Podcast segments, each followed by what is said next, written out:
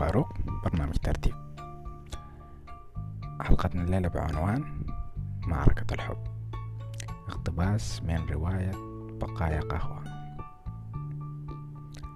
أغمض عيني وأقول كأنني جندي قاتل بلاده في سبيل النصر. وفي المعركة وصل إلى مقر العدو عرين الأسد. هو يعلم أن الموت مصيره ولكن عودته خائبا عار عليه. إما الموت في سبيل ذلك الحب وإما الخزي مدى الحياة.